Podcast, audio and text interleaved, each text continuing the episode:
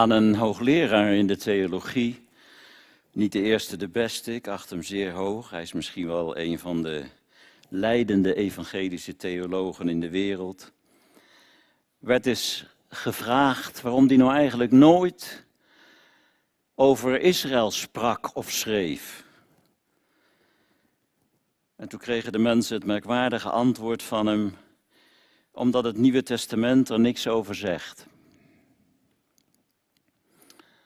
Dat is onvoorstelbaar. De Bijbel zegt in het Oude en in het Nieuwe Testament zo ontzettend veel over Israël. De versen die wij vanmorgen gelezen hebben, vertellen van de wonderbaarlijke geboorte van het moderne Israël. Bij wijze van spreken zegt de profeet, op één dag geboren. Wie heeft dat ooit meegemaakt in 1948? Dat een volk bijna uit het niets verrees en in een tijdsbestek tot stand kwam, een natie stichtte, de vijanden ook overwon, die haar naar het leven stonden, en dat zo ze als op één dag geboren is. Waarmee de profetie van Jezaja hier, Jezaja 66, vers 8, vervuld werd.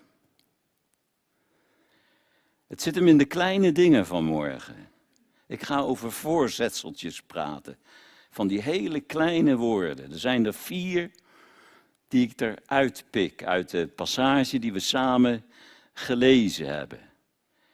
En de eerste die ik neem, dat is het woord wat staat in vers, vers 10, dat we treuren over Sion. Of zoals een andere vertaling, zoals de MBV zegt, om Sion. Wij treuren over Sion. Ik ga spreken over vier emoties, vier gevoelens die tezamen uitmonden in een heel merkwaardig resultaat. En de eerste emotie die hoort bij dat voorzetteltje over, dat is dus treurnis, dat is droefheid. Daarom ben ik begonnen met een compositie van de Griekse componist Theodorakis, gezongen door Lisbeth List het hooglied uit de Mauthausen suite. Mauthausen is maar één van die vreselijke concentratiekampen waar wij over treuren. Onvoorstelbaar. Een steengroeven waar de Joden zich letterlijk dood moesten werken, letterlijk. En alsof dat nog niet genoeg was, waar de SS puur voor het plezier Joden van de rand van die steengroeven gooide het ravijn in. En alsof dat nog niet erg genoeg was, ook een spelletje speelde dat de ene Jood de andere Jood over de rand moest duwen en dan mocht hij blijven leven. Even. Onvoorstelbaar. Je moet onder een steen leven als je je dat niet aantrekt. Dat dat in onze moderne tijd gebeurd is. Antisemitisme, ik kom er straks nog op terug. Dat een, een volk dat zoveel cultuur heeft voortgebracht, componisten, filosofen, Duitsers, dat ze daartoe in staat zijn.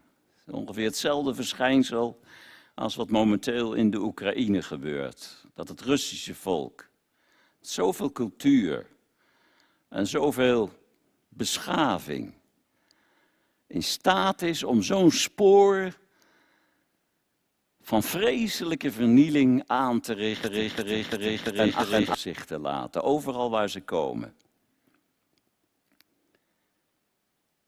De staat Israël is niet ontstaan dankzij de Holocaust, maar de staat Israël is tot stand gebracht ondanks de Holocaust.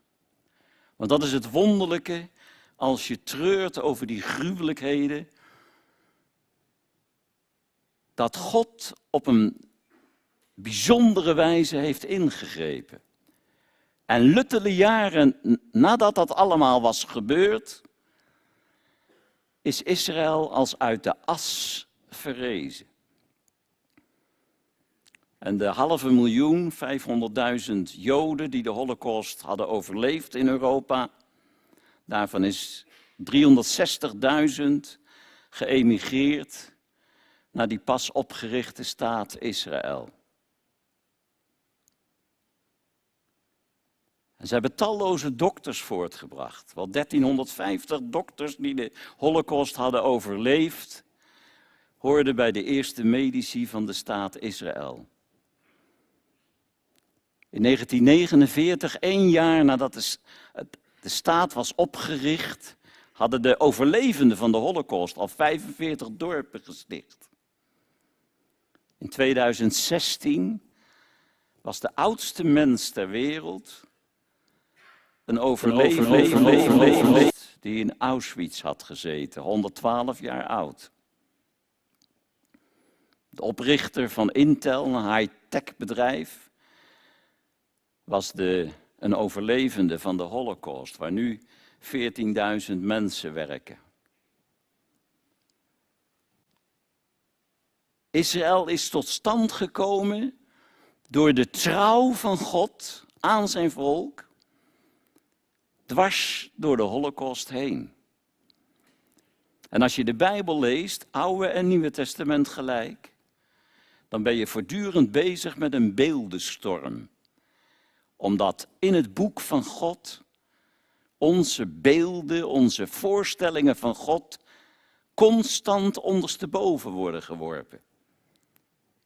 En midden in die afschuwelijke tijd, waar onze zogenaamde beschaving tot zulke dingen in staat bleek, als waarvan Lisbeth List zo even zong, midden in die afschuwelijke tijd, heeft God een teken van hoop en van de nieuwe tijd opgericht. En de kerken die het al moeilijk hadden met God na Auschwitz, en waar was God in Auschwitz? Die kregen er een nieuw probleem bij. En dat was, hoe is het mogelijk? We hadden de Joden afgeschreven. Maar God schijnt zich nog steeds met hen te bemoeien. Zie het wonder van de staat Israël, een natie op één dag voortgebracht. En niet alleen dat, maar een man als Eliezer ben Jehuda, die in één generatie het hele Bijbelse Hebreeuws deed herleven. En als je nu in Israël komt, dan spreekt de taxichauffeur Hebreeuws. En de professor in de collegezaal. En de huisvrouw. En de slager. Iedereen. Dat is nog nooit vertoond. De Joden noemen dat tikkun. Tikkun betekent letterlijk reparatie. Dat is de reparatie van Israël in de geschiedenis, wat als een teken van hoop boven de Holocaust uit is opgericht. En die tikkun, die reparatie, is eigenlijk een voorteken van een herstel wat daarna komt. In het derde hoofdstuk van de Handelingen van de Apostelen in het Nieuwe Testament daar gebruikt Petrus het prachtige woord in het Grieks. Mag het vergeten hoor, maar het is, het is te mooi om het niet te noemen. Apokatastasis.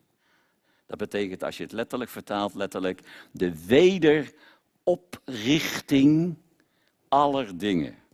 Herstel. Wederoprichting aller dingen.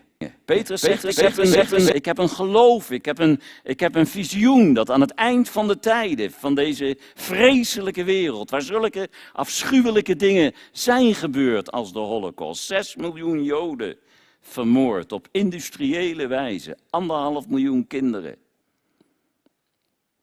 Ik heb een visioen, zegt Petrus, dat de Heer Jezus zal terugkomen en dat hij alle dingen weder op zal richten. Volkomen zal herstellen. En de verrijzenis van Israël, zoals Ezekiel ook heeft geprofeteerd in het 37e hoofdstuk van zijn boek, Eerst in het natuurlijke, als het allemaal bij elkaar komt, dat die geraamtes in het dal van de dorre doodsbeenderen, maar uiteindelijk ook dat de geest van God daarin geblazen zal worden.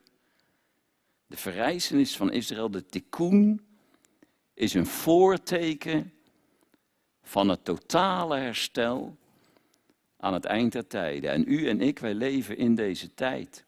En toch zijn er nog gelovigen en christenen die zeggen, ja dat kan wel hoor, wat er in 1948 is gebeurd, zal wel. Ach, gebeurt wel meer.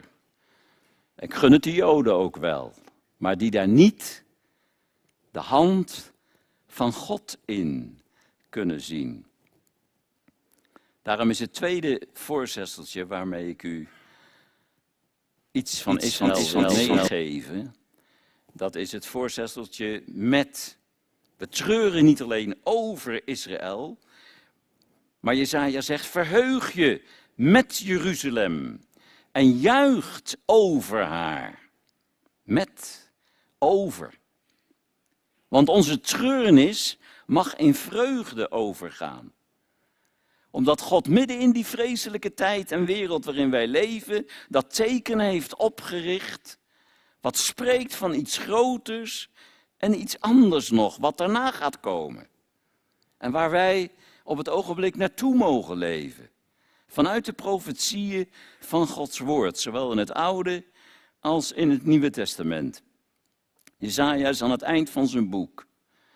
Hij heeft alles gehad. Hij heeft gesproken over het meisje de jonge vrouw die maagd was, omdat ze nog niet getrouwd was.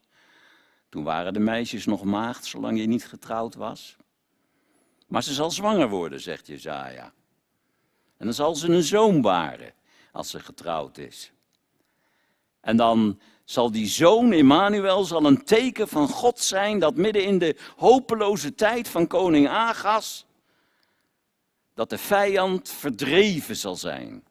Voordat de jongen groot is, zul je dat zien. Voordat Emmanuel groter geworden is.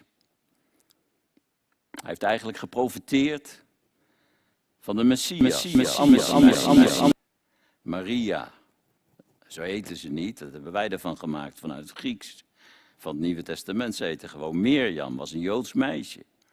En de Messias die geboren zou worden, dat was gewoon een Joodse jongen. De zoon van God is naar de mens, naar het vlees, gewoon een Jood. En Maria's geboorte, baren van de Heer Jezus, was een echte maagdelijke geboorte. was niet alleen maar een maagd die toen ze getrouwd was zwanger werd, maar ze had geen omgang met haar verloofde gehad. En op bovennatuurlijke wijze, zegt de evangelist Matthäus, is ze bevrucht vanuit de Heilige Geest. En dat teken van Emmanuel, waarvan Jezaja geprofeteerd had, dat is in hogere zin zo in dat meisje uit Nazareth in vervulling gegaan. Jezaja heeft gesproken in het 53ste hoofdstuk over de leidende knecht van de Heer. En hij profeteerde daarmee van het kruis, dat de Heer Jezus onze smarten zou dragen. Dat door zijn striemen ons genezing zou worden. Dat we door Hem eeuwig leven zouden krijgen. En nu is hij in het laatste hoofdstuk bezig met de eindtijd. Hij heeft alles achter de rug. Er gaat nog wat gebeuren. Als je verderop leest, maar dat hebben we niet gedaan, maar in vers, uh, vers 17, dan lees je van die man. Niet zomaar een antichrist, maar de antichrist. Die man. Die die gruwelijke dingen gaat doen aan het eind der tijden.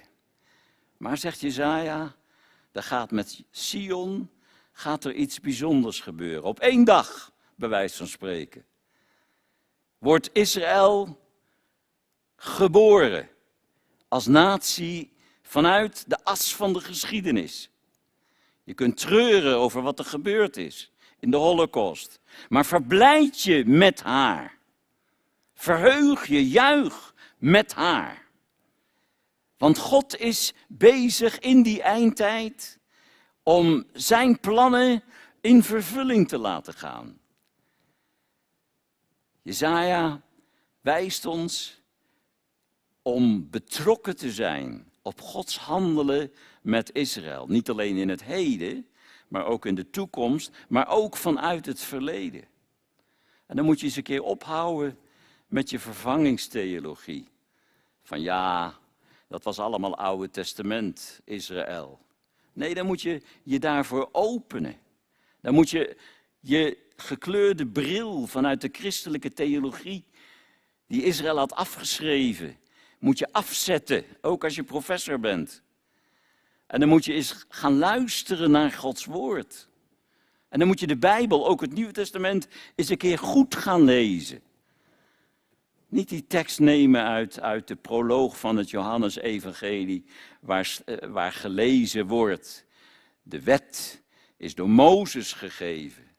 Maar de genade en de waarheid, ja, maar die zijn door Jezus Christus gekomen. Dat staat er helemaal niet. Het wordt verkeerd gelezen en daarom wordt het ook verkeerd begrepen. Ook in de MBV. Daar staat helemaal niet maar. En als er al een tegenstelling is, dan is die tegenstelling anders. Je moet Johannes 1, het vlees geworden woord, moet je zo gaan lezen. De wet, de Torah, is door Mozes gegeven.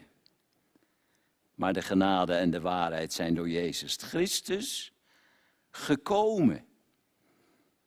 Dat is de tegenstelling.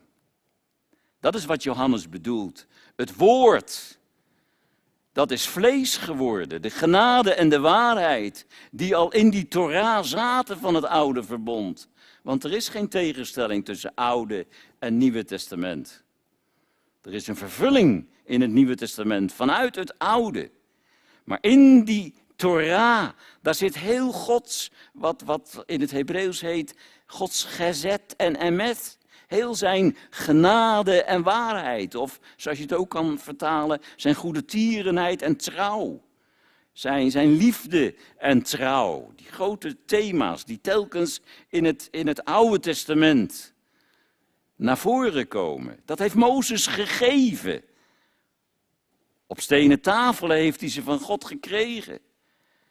En uiteindelijk zijn ze opgeschreven in de Bijbel beland. Maar het gaat over Gods genade en waarheid. En die liefde en trouw, die genade en waarheid, het is allemaal hetzelfde in het Hebreeuws. Die liefde en trouw, die zijn in Jezus Christus met vlees en bloed gekomen. Die heeft dat vervuld, waar Mozes over geschreven had. Er is niet een, een tegenstelling tussen, tussen de, de wet, ook zo'n vreselijk woord, Torah betekent eigenlijk alleen maar richting aanwijzen. Wat, wat, God ons, wat God ons als, als het ware als een ANWB-paal geeft, die kant moet je op. Niet die andere kant, maar die kant moet je op. Dat is de Torah. Die, en daar zit de genade en de waarheid van God in. Maar het mooie is, je kunt er wel over praten, je kunt erover schrijven zoals Mozes. Maar ze zijn in Jezus Christus, zijn ze vlees en bloed geworden. En daarom moet je bijvoorbeeld Johannes 1 eens een keer goed gaan lezen. En dan ga je het ook beter begrijpen. En dan begrijp je dat ons christelijk geloof van kruis en opstanding, dat het wortelt in dat zogenaamde Oude Testament. De Heer Jezus en de apostelen hadden geen andere Bijbel dan wat de Joden de Tenach noemen, de Torah en de Nevi'im en de Getuvim, de, de, de, de, de wet en de, en de profeten en de geschriften. Het, wat wij het Oude Testament noemen. En daar zit het hele volle evangelie in voor de eerste kerk, de eerste vroege gemeente. Daar hebben ze uit geleefd. En, en wij hebben dan nog het, het, voordeel dat we door de brieven van Paulus en zoveel andere dingen, de openbaring, dat we, dat we het Nieuwe Testament hebben gekregen door de evangelie met de levensbeschrijving van de Heer Jezus. Maar dat hadden de apostelen en de eerste christenen allemaal niet. Dat zit allemaal in dat zogenaamde Oude Testament wat, wat afgedaan zou hebben voor veel christenen. Ga je wortelen in die grond waar de Heer Jezus zo vertrouwd mee was, de psalmen, in het hart van het Oude Testament, dan ga je daar begrijpen dat dat je draagt en dat dat de vervulling is Wat de Heer Jezus heeft gedaan, van al die oude woorden die daar geschreven zijn. Verheug je dus, verblijd je met haar. Maar er is nog een ander woord. En dat staat helemaal aan het eind van vers 14. Hij zal tornen op zijn vijanden. We kunnen bedroefd zijn over de Holocaust. We kunnen ons verheugen met Israël, omdat we uit die wortels zijn voortgekomen als nieuwtestamentische gelovigen, Jood en Heide. Maar er is ook iets van boosheid. Na de vreugde komt de boosheid. Daarom wil ik u iets laten zien van het antisemitisme. En wat ik altijd gebruik wereldwijd in bijbelstudies, ook hier in Nederland, over antisemitisme, dat is heel simpel, dat is een A. De A van antisemitisme. En die wordt nu geprojecteerd als het goed is. En dan zie je twee poten en een verbindingsstreepje. Die ene poot, dat is de poot van de haat van de wereld. Daar komt het antisemitisme uit voort. Ben je gek? We zitten niet op die God van de Joden te wachten. De enige schepper van hemel en aarde. Wij hebben wel betere theorieën hoe de wereld tot stand kwam. Ben je gek? We zitten niet op die moraal van de tien woorden te wachten. Dat iemand ons komt vertellen wat we wel en wat we niet mogen doen. En, en wat de richting van ons leven moet zijn. Maken wij wel uit. En de wereld haat de Joden omdat ze ons de Bijbel hebben gegeven, omdat ze ons de enige waarachtige God hebben doorgegeven en omdat ze ons op de koop toe ook nog de Messias hebben nagelaten, waar niemand op zit te wachten. Dat is de haat van de wereld. Dat is die ene poot. En zegt u niet van ach, Nederland heeft toch geen last van antisemitisme. Er is een sprookje over de oorlog. Aan het eind van de oorlog had iedereen in het verzet gezeten. Geloof het niet. Zo is er ook een sprookje over de hulp aan de Joden. Er zijn maar een paar mensen geweest, christenen en wat mensen uit de wereld, waaronder communisten, niet te vergeten, die de Joden echt hebben geholpen. Maar de grote massa keek de andere kant uit. Uit dit land, Nederland, waarin ik ook geboren ben in 1943. Uit dit land zijn procentueel de meeste Joden naar de gaskamers vervoerd. En in aantal worden we alleen overtroffen door Polen. En het antisemitisme, dat is nog springlevend. Nog niet zo lang geleden heb ik een, een, een, een, een redenvoering waarvoor ze me gevraagd hadden bij, bij oud-burgemeesters en oud-rechters, heb ik niet af kunnen maken, omdat de heren verontwaardigd waren wat ik zei over wat Nederland had nagelaten in de oorlog. Het antisemitisme is nog springlevend. Dat is de haat, de poot van de haat van de wereld. En die andere poot, daar is de kerk verantwoordelijk voor. Dat is de hoogmoed van de kerk. Niet de eerste christenen, dat waren Joden. Maar later, grote kerkvaders als Chrysostomus, een groot hervormer als Maarten Luther, waar de naties zoveel aan gehad hebben. Wat hij gezegd heeft tegen en over de Joden, konden ze prima gebruiken. Hoogmoed van de kerk, die zei van, God heeft nu een nieuw volk. Dat is de kerk. En de Joden, dat, dat, dat moet je maar vergeten. Die hebben de Messias gekruisigd. Alsof ze het niet samen gedaan hadden met de Romeinen. En alsof het niet uw en mijn zonden waren die hem aan het kruis hebben gebracht.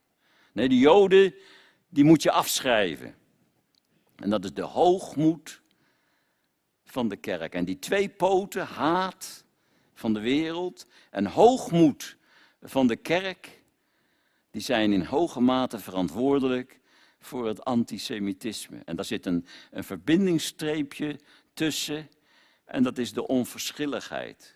Elie Wiesel heeft gezegd, onverschilligheid is erger dan haat. Onvoorstelbaar. een minister uit het eerste naoorlogse kabinet in dit land. Die vond het prima dat de NS de treinen had laten rijden richting de concentratiekampen, want dat was goed geweest voor de economie. Je kunt je toch niet indenken. Vijftig jaar nadat elf Israëlische atleten vermoord zijn op de Olympische Spelen in München in 1972. Vijftig jaar daarna, afgelopen Olympische Spelen, hebben ze voor het eerst die elf atleten die in koele bloeden vermoord zijn door de Arabieren, hebben ze herdacht op de Olympische Spelen. Toen het gebeurde in 1972, notabene in Duitsland, ik die Amerikaan nog brullen, The games must go on. Het waren toch maar Joden. Wie maakt zich daar nou druk om? Dat zou geen schaduwwerp over de Olympische Spelen. Pas na 50 jaar, door de weduwe van een van de vermoorde atleten, notabene een Nederlandse, die vrouw, heeft het Olympisch Comité besloten dat een plaats te geven. En dat is de, de onverschilligheid van kerk en wereld. Waardoor ik vaak zeg, het zou zo weer kunnen gebeuren. Laat je niet wijsmaken van dit nooit weer. Het zijn vrome praatjes. Het is, het is springlevend. En een christen behoort zich uit principe solidair te verklaren met Israël. Ja, maar die zijn toch ook niet volmaakt? Ja, ik voel ook wat voor mijn vaderland, maar niet omdat het hier zo volmaakt is. En Israël hoeft ook helemaal niet volmaakt te zijn. Die hebben ook hun fouten en gebreken. Gelukkig wel, het zijn gewoon mensen. Maar een christen behoort zich solidair te verklaren met Israël. En te breken met de hoogmoed van de kerk. En ook dat streepje van de onverschilligheid dat je zegt, ach, laat maar gaan. En dan is er nog een vierde voorzetseltje, en dat is het voorzetseltje in. En dat vindt u in vers 13. Ja, in Jeruzalem zul je getroost worden. Waarom worden wij in Jeruzalem getroost? Omdat we Gods trouw zien aan zijn volk. En omdat we weten wij zijn geen haar beter dan de Joden. als ik na bijna 60 jaar pastoraat moet zeggen hoeveel mensen er teleurgesteld zijn in de kerk. En ook in de evangelische gemeente hoor. Ik zou er zoveel over kunnen vertellen. Wij zijn net als het volk Israël. We hebben God teleurgesteld. We grijpen elkaar soms naar de keel. Wat hebben we er een potje van gemaakt? En God zegt van het volk Israël, ondanks alles wat ze verkeerd hebben gedaan in de Bijbelse geschiedenis. En tot op de dag van vandaag verkeerd doen. En toch hou ik van jullie. Toch hou ik van jullie. Toch hou ik van jullie. En dat zegt hij ook tegen de kerk. Tegen de traditionele kerken, tegen de evangelische gemeenten. Hoe we ook falen, hoe we ook tekortschieten als wij ontrouw zijn, zegt Paulus in 2 Timotheus, het tweede hoofdstuk. Hij blijft getrouw, want hij gaat zichzelf niet verloochenen. Het zit in zijn, in zijn wezen, in zijn aard, om vast te houden, om nooit te laten varen het werk wat zijn hand begon. En omdat dat voor Israël geldt, kijk maar naar de staat Israël. Het wonder van die geboorte op één dag, enzovoort, enzovoort. Omdat het voor Israël geldt, geldt het ook voor jou en voor mij. Als wij onszelf tegenvallen, als wij denken van, ja maar daar was ik toch nooit toe in staat geweest, dan zegt God, en toch hou ik jou vast. Ik laat jou niet vallen. In mijn trouw Net zoals de trouw aan Israël. Gods genadegave, charismata staat er letterlijk in het Grieks, zijn onberouwelijk. Daarom houdt hij zijn volk vast. Ook waar ze nog in meerderheid de Messias verwerpen. Het gaat gebeuren, dat visioen van Ezekiel. De geest van God gaat erin geblazen worden. Je kunt het ritselen van de geest al horen in, in, in Oost-Europa, in Oekraïne, in Rusland, in Amerika en in het land van de staat Israël. Je kunt het ritselen van Gods geest al horen. Het gaat gebeuren omdat God vasthoudt. En daarom kunnen wij troost vinden in Jeruzalem. En waar lopen dan al die emoties op uit? Ons verdriet over de Holocaust en onze vreugde dat we wortelen in de Bijbel, Oude en Nieuwe Testament gelijk. Onze, onze boosheid met God over het antisemitisme en de troost die we vinden in Jeruzalem. Waar loopt dat dan allemaal op uit, zegt Jezaja? Nou, dat loopt uit op vrede op shalom. Kan je voorstellen? Vrede, shalom tussen Jood en Arabier. Onvoorstelbaar. Kan je voorstellen? Vrede tussen Rusland en Oekraïne. Onvoorstelbaar. En toch zegt Jezaja, gaat dat gebeuren. Ik ga in Jeruzalem ga ik een, een centrum scheppen van waaruit mijn vrede over de aarde gaat stromen. En als dat gaat gebeuren in het duizendjarig vrederijk, ik geloof persoonlijk dat dat na de wederkomst van de Heer Jezus is, maar daar kun je over van mening verschillen. En dat mag ook allemaal best, dat zullen we dan straks wel zien. Maar als het gaat gebeuren, dat duizendjarig vrederijk, is dat ook nog maar een voorspel. Want uiteindelijk wordt die vrede hemel en aarde breed. Een nieuwe hemel, een nieuwe aarde waar gerechtigheid woont. En niet voor duizend jaar, maar voor altijd. En dat de visioenen die Jezaja heeft gehad in de eerste hoofdstukken van zijn profetie, dat die ook wat dat betreft in vervulling gaan. Dat een kind zal spelen bij het hol van een adder, een giftige slang. En dat een, een, een leeuw stro zal eten als een rund. En dat, dat deze hele vreselijke wereld, waar Israël ook zo ondergeleden heeft en waar wij allemaal met lijden hebben te maken.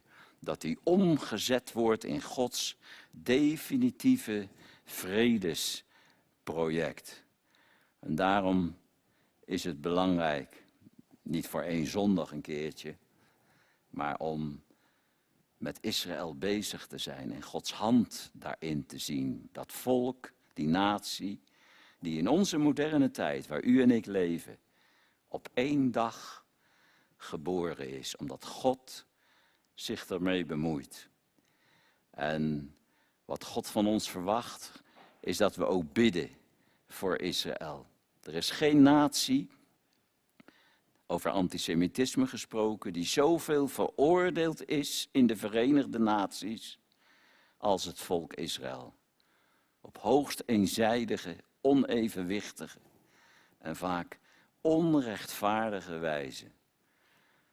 Doet me vaak denken aan dat mooie muziekstuk wat Gustav Mahler is heeft geschreven, naar aanleiding van een, van een, volksliedje. Mahler was trouwens een Joodse componist, dat ook nog. En hij heeft een mooie compositie gemaakt over de wedstrijd tussen de nachtegaal en de koekoek. Wie het mooiste kon zingen. Maar ze moesten een scheidsrechter vinden. En in dat liedje wordt hij gevonden, dat is de ezel. Want de ezel heeft zulke fijne lange oren, die kan goed horen. Nou, u begrijpt wel de uitkomst van het liedje. De nachtegaal die zingt zijn prachtigste melodie.